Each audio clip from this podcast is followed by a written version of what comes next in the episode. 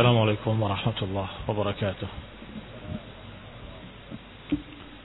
إن الحمد لله نحمده ونستعينه ونستغفره ونعوذ بالله من شرور أنفسنا ومن سيئات أعمالنا من يهده الله فلا مضل له ومن يضلل فلا هادي له وأشهد أن لا إله إلا الله وحده لا شريك له وأشهد أن محمدا عبده ورسوله صلى الله عليه وعلى آله وأصحابه والتابعين وتابع التابعين ومن تبعهم بإحسان إلى يوم الدين.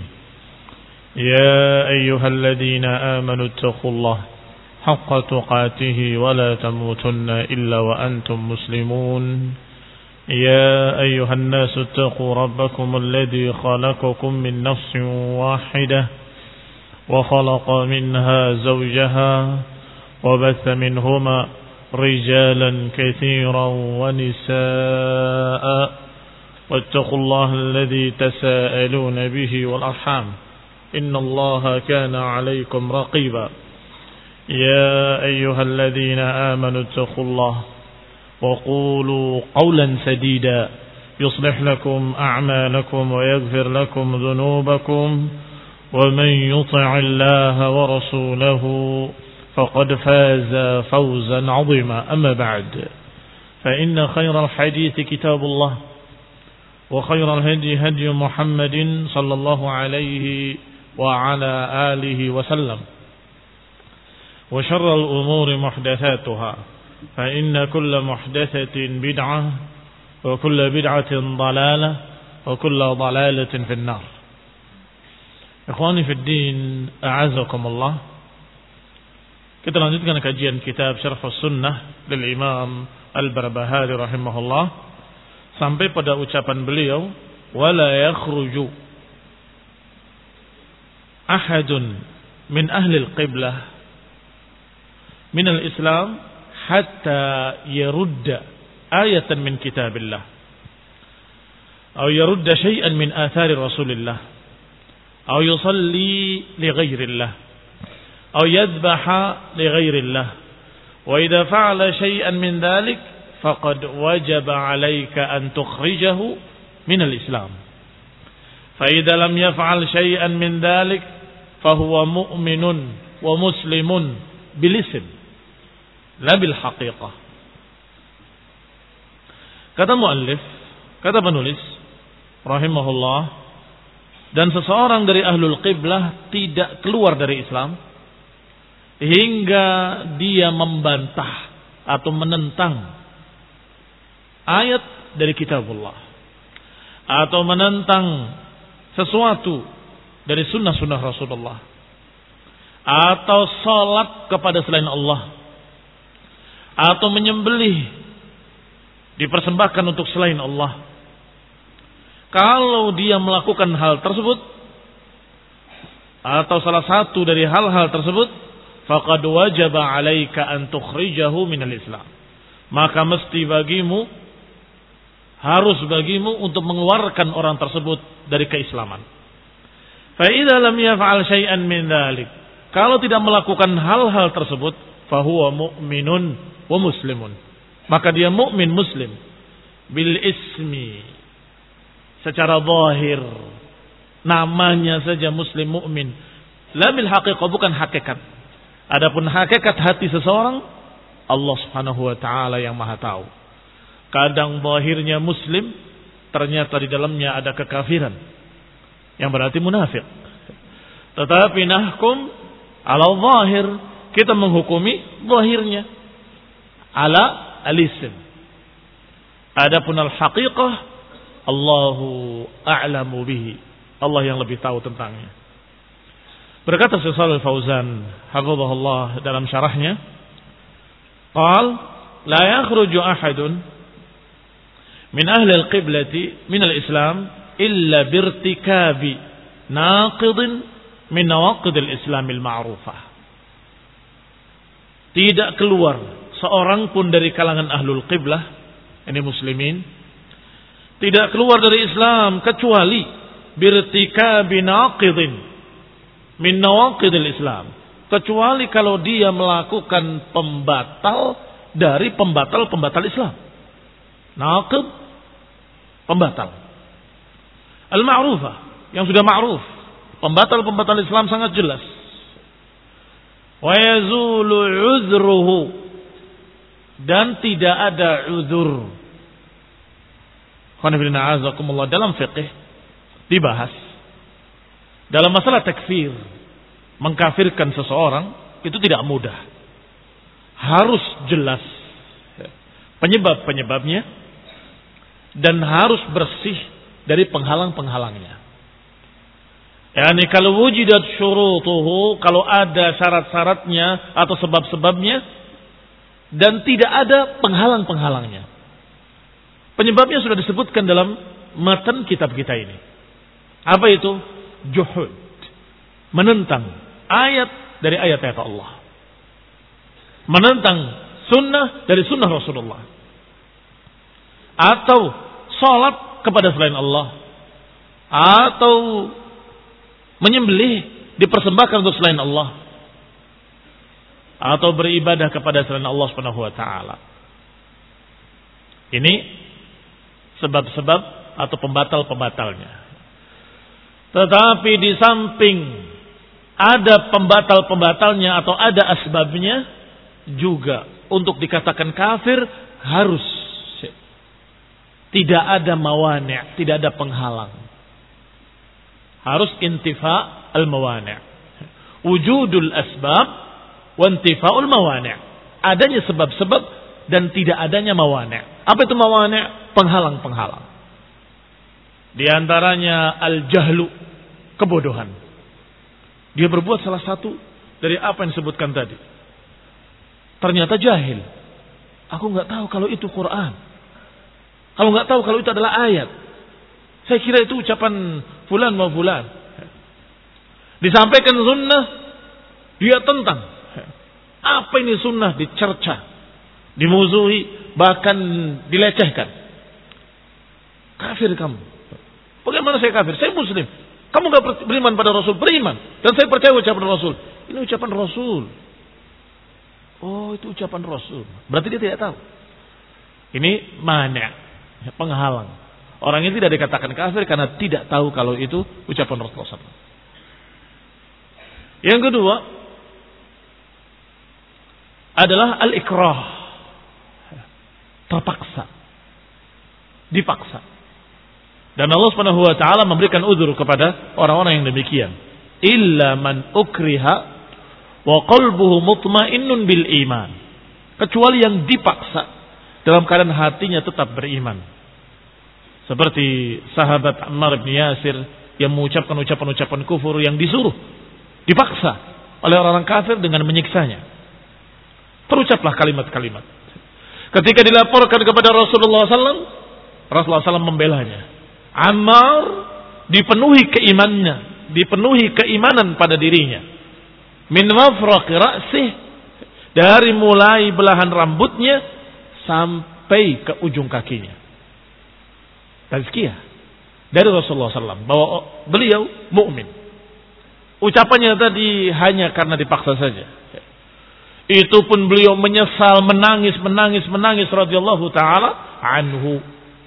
Maka Allah turunkan ayatnya, illa man ukriha wa qalbuhu mutmainnun bil iman, kecuali yang dipaksa dalam keadaan hatinya tetap beriman. Dan termasuk di antaranya, di antara mawani penghalang-penghalang adalah hilangnya akal atau tidak sadar. Seperti orang mabuk karena mengucapkan ucapan-ucapan yang nggak karuan, di antaranya ucapan kafir. Ketika dia sadar disampaikan kamu mengucapkan seperti ini, dia menyatakan sungguh demi Allah, aku tidak sadar mengatakan seperti itu. Maka dia juga tidak kafir. Tetapi dia mendapatkan dosa besar karena kemaksiatannya. Yaitu khamr atau sejenisnya.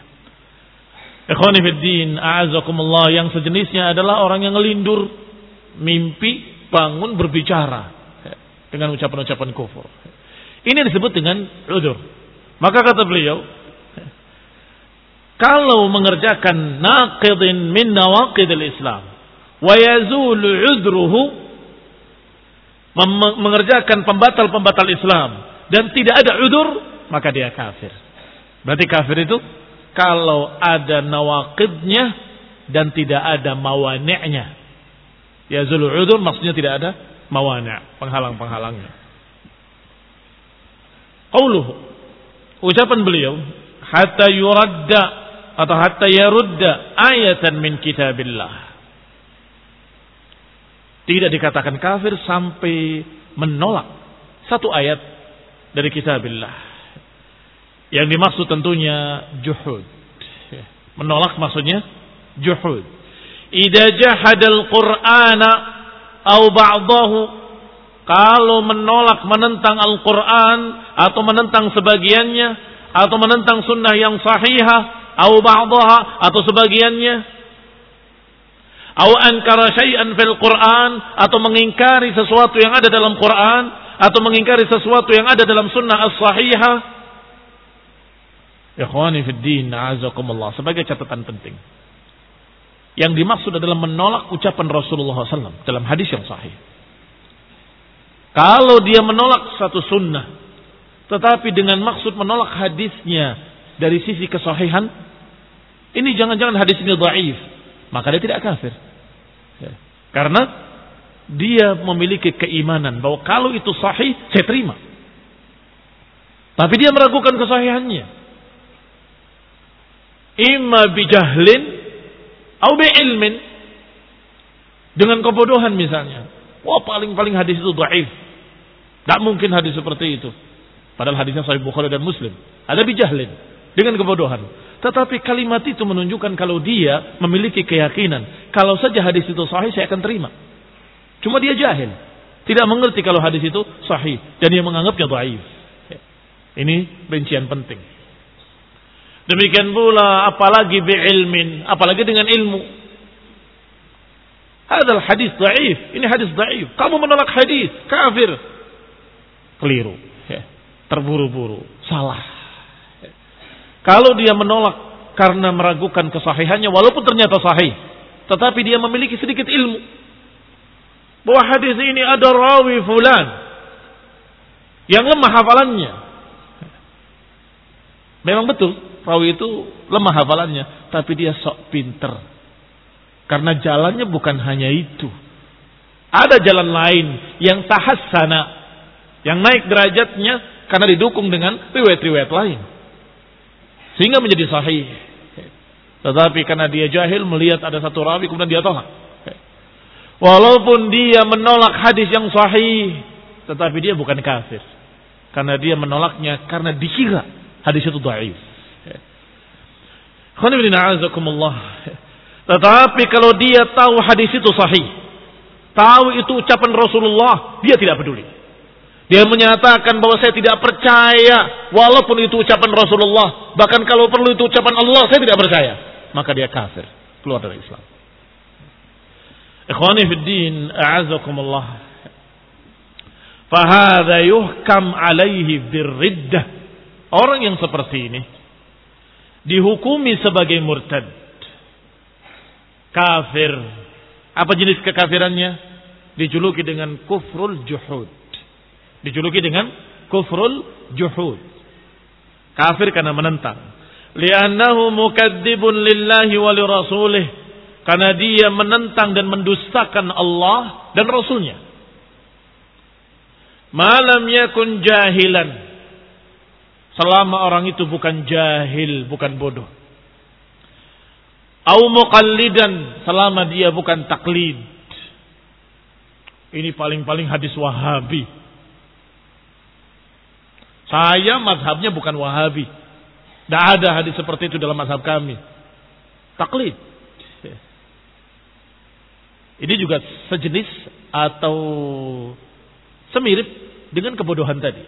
Dengan kebodohan. Dikira ada hadis madhab ini, hadis madhab itu. Berarti dia muqallid. Taklid. Pokoknya apa kata guru saya. Apa kata kiai saya.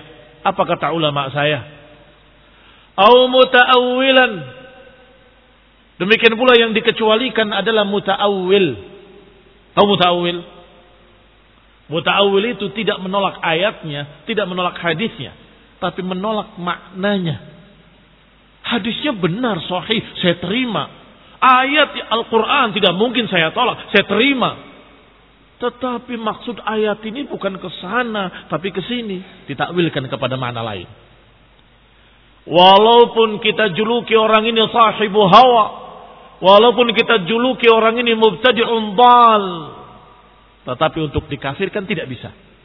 Karena pada intinya dia meyakini Quran harus diterima, hadis harus diterima. Tetapi dia berkata maknanya bukan itu. Maknanya lain. Ditafsirkan kepada makna yang salah. Ditafsirkan kepada makna mana yang batil. Ini muta'awilan. Maka muta'awil seorang yang menyelewengkan makna kepada makna lain berarti pada hakikatnya. Orang ini tidak menentang Al-Quran, tidak menentang sunnah, tapi menentang makna yang terkandung di dalamnya. Dia menganggap maknanya selain itu. Dia anggap maknanya bukan yang ada di situ. Dan ini barakallahu fikum cukup dikatakan sebagai sahibul hawa. Pengekor hawa nafsu. Pengikut hawa nafsu.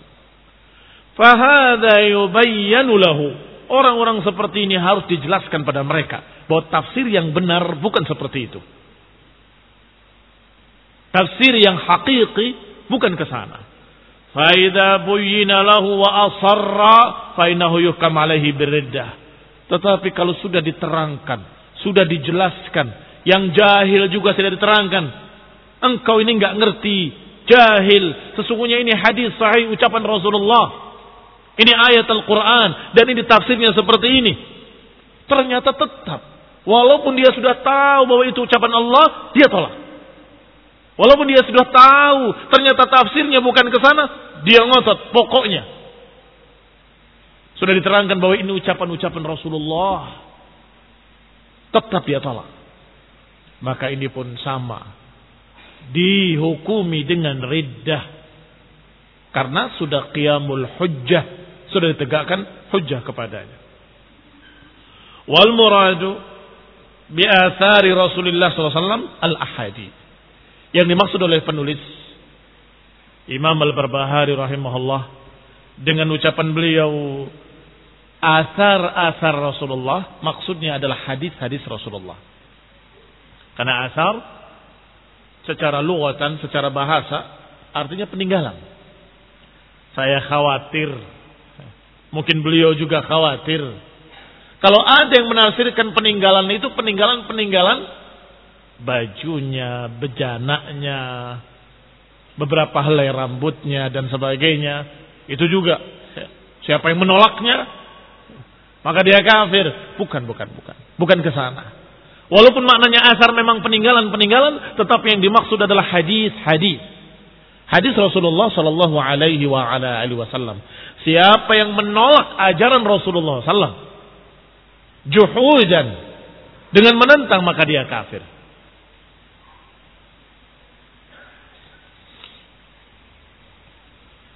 Wa qawluhu.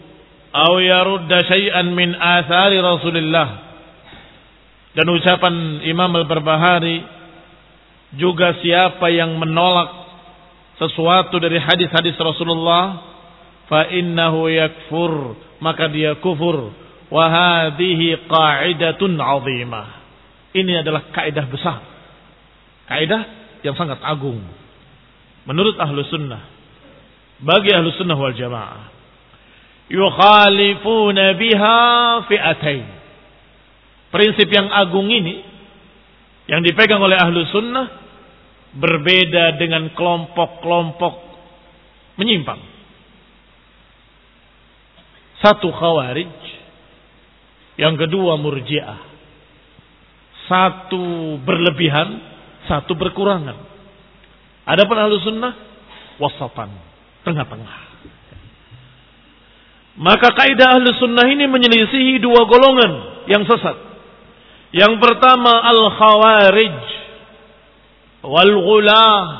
Kelompok ekstrim alladzina yukaffiruna bil kabair Yaitu mereka-mereka yang mengkafirkan kaum muslimin dengan dosa-dosa besar. Padahal bukan syirik. Bukan syirik akbar. Mereka kafirkan kaum muslimin. Dengan kedoliman kafir. Korupsi kafir. Membunuh kafir. Menangkap ulama kafir. Ini khawarij menganggap bahwa mereka yang berbuat dosa-dosa besar kafir. Adapun ahlu sunnah, prinsipnya tadi apa? Selama tidak menentang ayat dari ayat-ayat Allah dengan juhud, selama tidak menentang hadis-hadis Rasulullah yang sahihah dengan juhud, maka belum dikatakan kafir. Maka kelompok pertama yang menyelisih ahlu sunnah adalah khawarij. Karena mereka kebablasan berlebihan. Yang kedua, fi'atul murji'ah. Yang kedua, kelompok yang sebaliknya. Yaitu murji'ah. Alladzina yaqulun.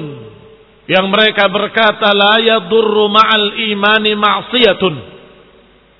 Kata mereka, kemaksiatan apa pun tidak mempengaruhi iman. Madamal insanu mu'minan biqalbihi. Selama dia meyakini dengan hatinya, maka perbuatan apa pun tidak mengkafirkan. Astagfirullah. Walaupun mentang ayat, walaupun mentang hadis, walaupun juhud, menentang ucapan Allah, mendustakan Allah dan Rasulnya, tidak mengurangi iman. Kata mereka tidak mengurangi iman, apalagi kafir. Berkurang saja tidak. Ini murjiah. Fa'innahu la yadurruhu syai'un minal ma'asi. Katanya, kalau seorang sudah mukmin, menurut mereka mukmin itu adalah keyakinan dalam hati. Kata mereka, selama dia mukmin dalam tanda petik, selama dia punya keyakinan di hati, cukup. Maka la yadurruhu syai'un minal ma'asi, maka tidak ngaruh perbuatan maksiat apa pun kezaliman apa pun. Walaupun dia meninggalkan salat dengan sengaja muta'ambidan walaupun dia meninggalkan seluruh amalan tidak beramal ibadah apa pun tetap mukmin. Yang penting punya keyakinan persis ya, seperti ajaran-ajaran kepercayaan ya. yang penting eling nang Gusti Allah cukup sing penting eling ingat selesai yang penting hati kita ingat Allah. Cukup. Hadi murjiah. Walam ya'mal syai'a walaupun tidak mengamalkan apa pun. Menurut mereka mukminun kamilul iman. Mukmin yang sempurna keimanannya. Astagfirullah. Astagfirullah. Yang satu ekstrim ke kanan, yang satu ekstrim ke kiri. Yang satu kebablasan, yang satu meninggalkan seluruhnya. Khawarij mengambil kemaksiatan dan dosa, menganggap bahwa iman terpengaruh dengan dosa, yaitu hilang imannya. Jadi kafir dengan semua dosa. Berzina kafir, membunuh kafir, minum khamr kafir, berbuat dolim kafir. Sedangkan murjiah sebaliknya. Berbuat dosa apa pun, sebesar apa pun, bahkan berbuat kufur. Tidak beribadah sama sekali. Yang penting punya keyakinan dalam hati cukup. Dia mukmin. Ini juga bertentangan dengan kaidah ahli sunnah. Bahwa seseorang dianggap muslimin selama mereka memiliki ciri-ciri keislaman secara zahir. Urusan batinnya urusan Allah. Tidak dikatakan kafir kecuali kalau menentang ayat Al-Quran. Menentang hadis Rasulullah SAW. Atau meninggalkan salat dengan sengaja. Atau salat kepada selain Allah atau menyembelih dipersembahkan pada selain Allah dan sejenisnya. Itu pun setelah lengkap syarat-syaratnya dan setelah hilang penghalang-penghalangnya. Tidak ada uzur, bukan jahil, bukan bodoh, bukan dipaksa, bukan pula muawil yang menakwil-nakwilkan. Ila akhirnya. Amma ahlu sunnah wal jamaah fakama dzakar al muallif. Adapun ahlu sunnah wal jamaah, maka seperti apa yang disebutkan oleh musannif, muallif, yaitu Imam al-Barbahari rahimahullah. Annahum wasatun baina ta'ifataini bahwa mereka ahlu sunnah tengah-tengah di antara dua kelompok ekstrim. Fayaqulun maka mereka berkata ahlu sunnah al-kabair taktalis. Yang namanya dosa-dosa besar berbeda-beda. In kanat minasyirki kalau itu termasuk kesyirikan, syirik-syirik akbar. Awil kufri atau kekafiran-kekafiran akbar ini yang dua-duanya besar, syiriknya syirik besar, kafirnya kafir kubra. Fa innaha tukhriju minal millah. Maka tentunya akan mengeluarkan seseorang dari agama bil ijma' menurut kesepakatan seluruh para ulama. Ijma'. Wa amma idza kanat laysat kufran, kalau dosa besarnya bukan kekafiran, bukan pula kesyirikan akbar, walaysat takdziban li kitabillah, bukan pula mendustakan ayat Allah, bukan pula mendustakan sunnah Rasulullah, bukan pula meninggalkan salat, bukan pula berdoa kepada selain Allah, bukan pula menyembelih dipersembahkan untuk selain Allah. Fa innaha kabiratun duna dzalik maka kalau itu hanya dosa-dosa besar yang di bawah itu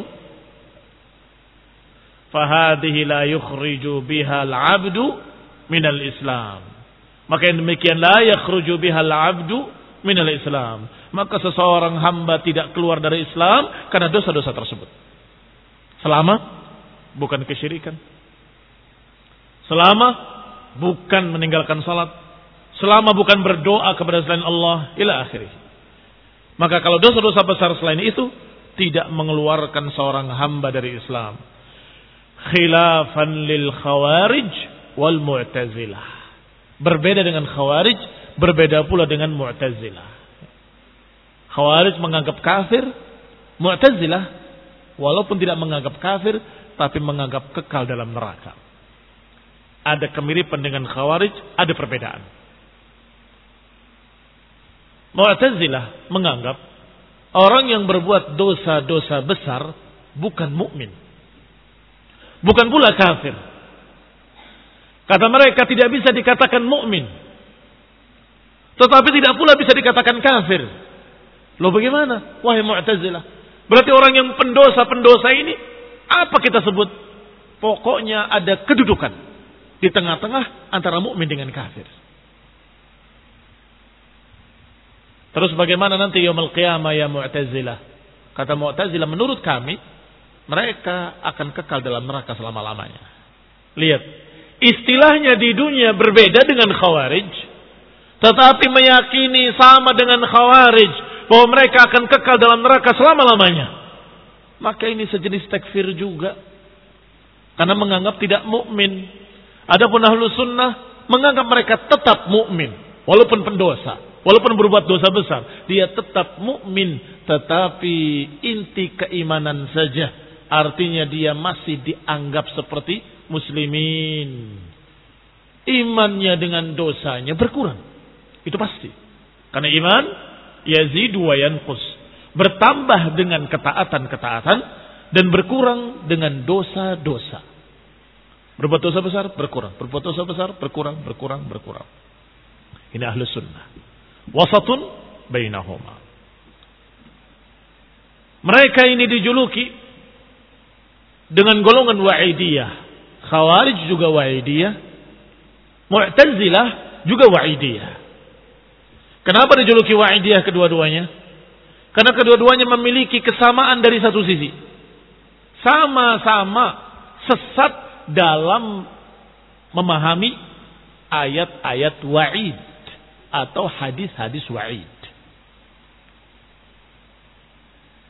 Wa'id itu artinya ancaman. Ayat-ayat ancaman atau hadis-hadis ancaman. Mereka mengira bahwa ancaman sama dengan janji.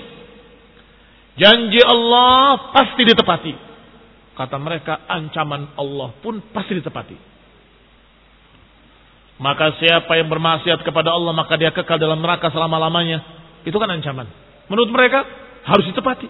Karena ancaman sama dengan janji. Ini janji baik, ini janji jelek. Janji baik pasti ditepati, janji jelek pun harus ditepati. Wah, ini kesesatan Khawarij dan Mu'tazilah. Maka ketika ayat menyatakan tentang orang yang membunuh Allah sebut dengan ghadiballahu alaihi wa la'anahu wa lahu jahannam. Allah laknat mereka, Allah murka pada mereka dan Allah persiapkan jahannam kekal dalamnya selama-lamanya. Ini ancaman bagi orang yang membunuh mukmin dengan sengaja. Kata mereka berarti membunuh itu kekal dalam neraka. Apakah benar tafsir seperti ini? Mu'tazilah menyatakan menurut ayat ini berarti mereka kekal dalam neraka. Bagaimanapun juga. Khawarij juga mengatakan kekal dalam neraka. Bagaimanapun juga. Kata Khawarij, kata kekal dalam neraka berarti kafir. Selesai. Kata Mu'tazilah, bukan. Dia bukan kafir. Tapi mukmin juga bukan. Ada manzilah baina manzilatain. Tetapi sama-sama kesesatannya dari sisi wa'id. Ini adalah kesalahan besar, penyimpangan dan kesesatan dalam memahami ayat-ayat wa'id. Padahal ahlu sunnah kaum muslimin dari para sahabat, para tabi'in. Dan juga para a'immah, a'immatul muslimin. Mereka semua memahami bahwa ancaman berbeda dengan janji. Kalau janji pasti ditepati. Ancaman terserah Allah subhanahu wa ta'ala. Karena tidak menepati janji sifat jelek yang tidak mungkin bagi Allah. La yukhlif Allah al-mi'ad. Allah nggak akan menyelisihi janji-janjinya. Maka menyelisihi janji sifat jelek. Tetapi kalau menyelisihi ancaman, itu sifat baik. Sifat apa itu? Ancaman Allah, kamu akan begini, kamu akan begitu. Kemudian setelah dihadapkan pada Allah Ta'ala, Allah melihat kebaikan orang ini dan kesolehan dari sisi lainnya, maka Allah maafkan. Tidak jadi diazab. Allah hapuskan. Apa namanya itu? Sifat ghafur. Pengampun. Afuun. Pemaaf. Maka barakallahu fikum kesesatan khawarij dan mu'tazilah menganggap ancaman seperti janji harus ditepati. Karena Allah sudah berkata dalam Quran, "Wa man ya'sillaha wa rasulahu fa inna lahu nar jahannam khalidan fiha." Barang siapa yang bermaksiat pada Allah dan Rasulnya, maka tempatnya dalam neraka jahanam kekal selama-lamanya. Ancaman orang yang bermaksiat dengan neraka kekal di dalamnya selama-lamanya. Ini namanya ancaman. Ternyata Allah Subhanahu wa taala memaafkan mereka-mereka yang tidak sampai kafir. Dan Allah mengadab selama-lamanya yang kemaksiatannya sudah sampai kepada kekafiran. Berbeda. Adapun dosa-dosa besar kadang Allah maafkan, kadang Allah adab dulu baru kemudian masuk ke dalam jannah. Karena imannya masih ada. Maka dikatakan oleh ahlu sunnah bahwa dosa-dosa besar, dosa-dosa kecil, atau dosa-dosa yang seperti itu terancam dengan ancaman-ancaman. Tetapi apakah akan diadab seperti apa yang Allah ancamkan atau tidak? Itu kembalinya pada Allah Subhanahu wa taala. Insya'a 'adzabahu wa insya'a ghafara lahu. Kalau Allah kehendaki, Allah adab dia sesuai dengan ancaman. Atau kalau Allah kehendaki, Allah kurangi. Atau Allah kehendaki, Allah maafkan dia. Dan itu sifat afuun ghafur. Pemaaf dan penyayang. Pengampun. Maka ikhwan ibn a'azakumullah. Dikatakan oleh Syekh Salih Al-Fawzan di sini. Al-Khawarij al-Mu'tazilah. Akhadu binususil wa'id mereka mengambil ayat-ayat ancaman wa taraku nususal wa'id tetapi mereka tinggalkan janji-janji Allah. Apa janji-janji Allah? Barang siapa yang berbuat begini-begini fa innallaha ghafurur rahim. Siapa yang beramal soleh maka niscaya Allah akan ampuni dia. Barang siapa yang beramal begini maka Allah akan hapuskan dosa-dosanya. Ada atau tidak ada? Sangat banyak. Dalam hadis-hadis juga sangat banyak. Siapa yang sholat maka niscaya dari sholat ke sholat akan mengampunkan dosa. Dari Ramadan ke Ramadan akan mengampunkan dosa. Dari Jumat ke Jumat akan menghapuskan dosa. Ini janji-janji Allah Taala. Apakah mereka tidak baca? Inilah kesalahan Khawarij dan Mu'tazilah. Membaca ancaman-ancaman tetapi lupa kepada janji-janji. Wal murji'ah 'ala al-aksi. Sedangkan murji'ah sebaliknya. Mengambil janji-janji baik melupakan ancaman-ancaman. Bukankah Allah Ghafurur Rahim? Bukankah Allah Maha Pemaaf, Maha Pengampun? Dosa apa pun akan diampuni, tenang aja. Yang penting kamu punya keyakinan mukmin selesai. Dosa-dosa akan dimaafkan oleh Allah. Dan terus bagaimana dengan ancaman-ancaman? Ya murji'ah, bagaimana dengan ancaman-ancaman tadi? Wa may ya'sillah wa rasulahu fa inna lahu nar jahannam khalidan fiha. Bagaimana dengannya? Bagaimana dengan ayat Wa may yaqtul mu'minan muta'ammidan fajazaohu jahannam. Bagaimana dengan itu? Bagaimana dengan ayat Allah yang lain yang mengancam pendosa-pendosa dengan adab? Tidak dianggap oleh murjiah. Tidak dianggap oleh murjiah. Sehingga mereka berkata berbuat dosa apa pun tidak ngaruh dalam iman. Kedua-duanya sesat. Adapun ahlu sunnah mengambil dua-dua dalil.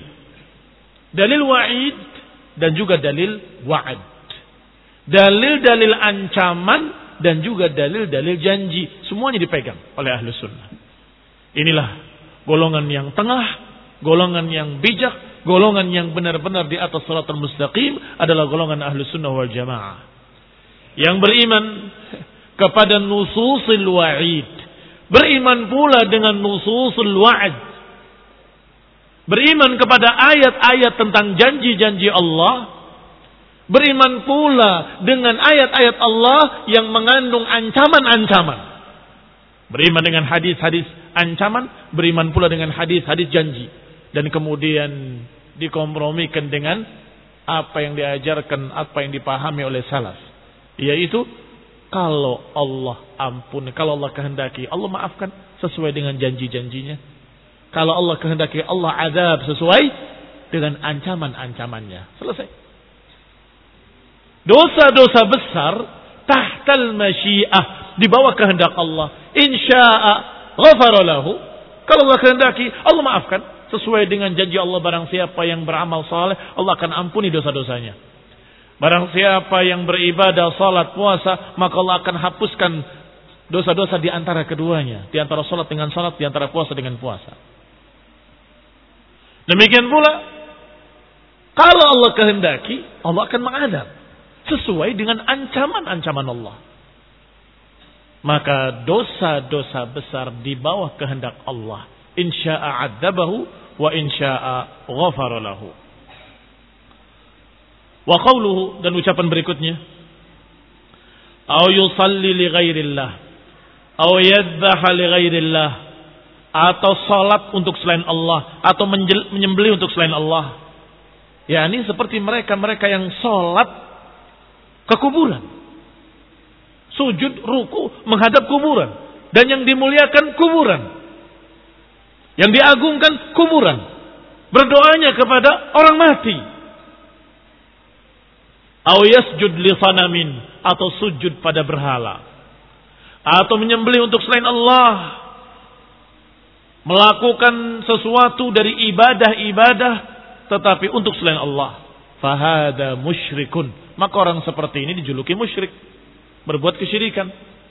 Kafir. Kafir dia. Kharijun minal Islam. Dia keluar dari Islam. Selama tidak ada udur. Jangan lupa itu. Selama tidak ada udur. Bukan karena jahil. Bukan karena dipaksa. Nah, Dzalika fa ahlu sunnah wasatun fihi bainal murjiah wa bainal khawarij. Adapun yang selain itu maka ahlu sunnah wal jamaah Tengah-tengah. Di antara murjiah dengan khawarij. Ucapan berikutnya. Wa idza fa'ala syai'an min dzalik faqad wajaba 'alaiha 'alaika an tukhrijahu minal Islam. Kalau ada yang melakukan hal-hal kufur tadi, maka wajib atasmu untuk menganggapnya kafir. Yani idza fa'ala syai'an min dzalik. Kalau melakukan hal-hal yang sudah disebut tadi.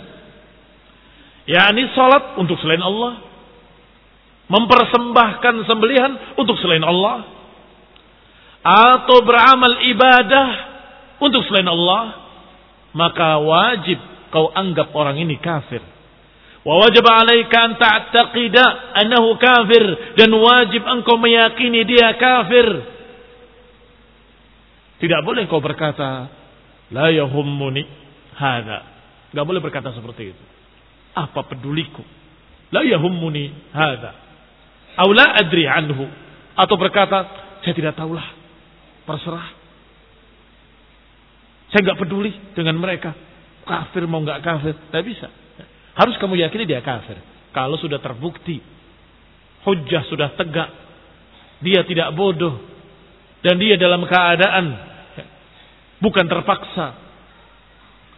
Bal yajib alaika an tukaffir al-kafir wal musyrik. Maka wajib bagimu untuk mengkafirkan orang kafir. Mengkafirkan orang kafir dan menganggap musyrik orang yang berbuat syirik. Wa an tufassiqal 'asi Sebagaimana wajib pula kita menganggap fasik orang yang bermaksiat. Yang berbuat dosa-dosa besar. Selain syirik. La budda min bayanil haqqi fi hadzal amr. Maka wajib kita menjelaskan urusan-urusan yang seperti ini. Apakah dengan ta'mim dan itu lebih mudah, lebih selamat. Dengan ta'mim itu hanya dengan kalimat umum. Siapa yang berbuat kesyirikan, mempersembahkan sembelihan pada selain Allah, maka dia kafir. Ini harus. Adapun ketika ta'yin, si fulan kafir karena berbuat seperti ini setelah terbukti kalau fulan ini sudah mengerti. Sudah tegakkan hujah padanya, bukan jahil, bukan terpaksa. Ila akhirnya al-mawani' sudah tidak ada penghalang-penghalangnya, maka juga kita harus menyatakan secara ta'yin fulan telah kafir. Tentunya yang kedua ini lebih berat. Yang kedua ini lebih berat. Dan konsekuensinya juga lebih berat. Karena Nabi menyatakan siapa yang menyatakan pada saudaranya ya kafir, maka niscaya akan terjadi pada salah satunya. Kalau dikafirkan benar-benar kafir, alhamdulillah. Kalau tidak, kembali kepada orang yang mengatakan ya kafir itu kekafirannya. Kembali pada dirinya. Ini konsekuensi yang sangat berat. Qauluhu fa idza lam yaf'al syai'an min dzalik fa huwa mu'minun muslimun. Adapun yang tidak melakukan hal-hal tadi, tidak melakukan pembatal-pembatal keislaman, maka dia hukum asalnya muslim mukmin secara zahir. Ini secara zahirnya saja. Wasariratuhu ilallah. Adapun urusan hatinya kepada Allah subhanahu wa ta'ala. Naktafi bihadal qadr. Wassalamu taufiq afiyah. Subhanakallahumma bihamdik. An la ilaha wa atubu warahmatullahi wabarakatuh.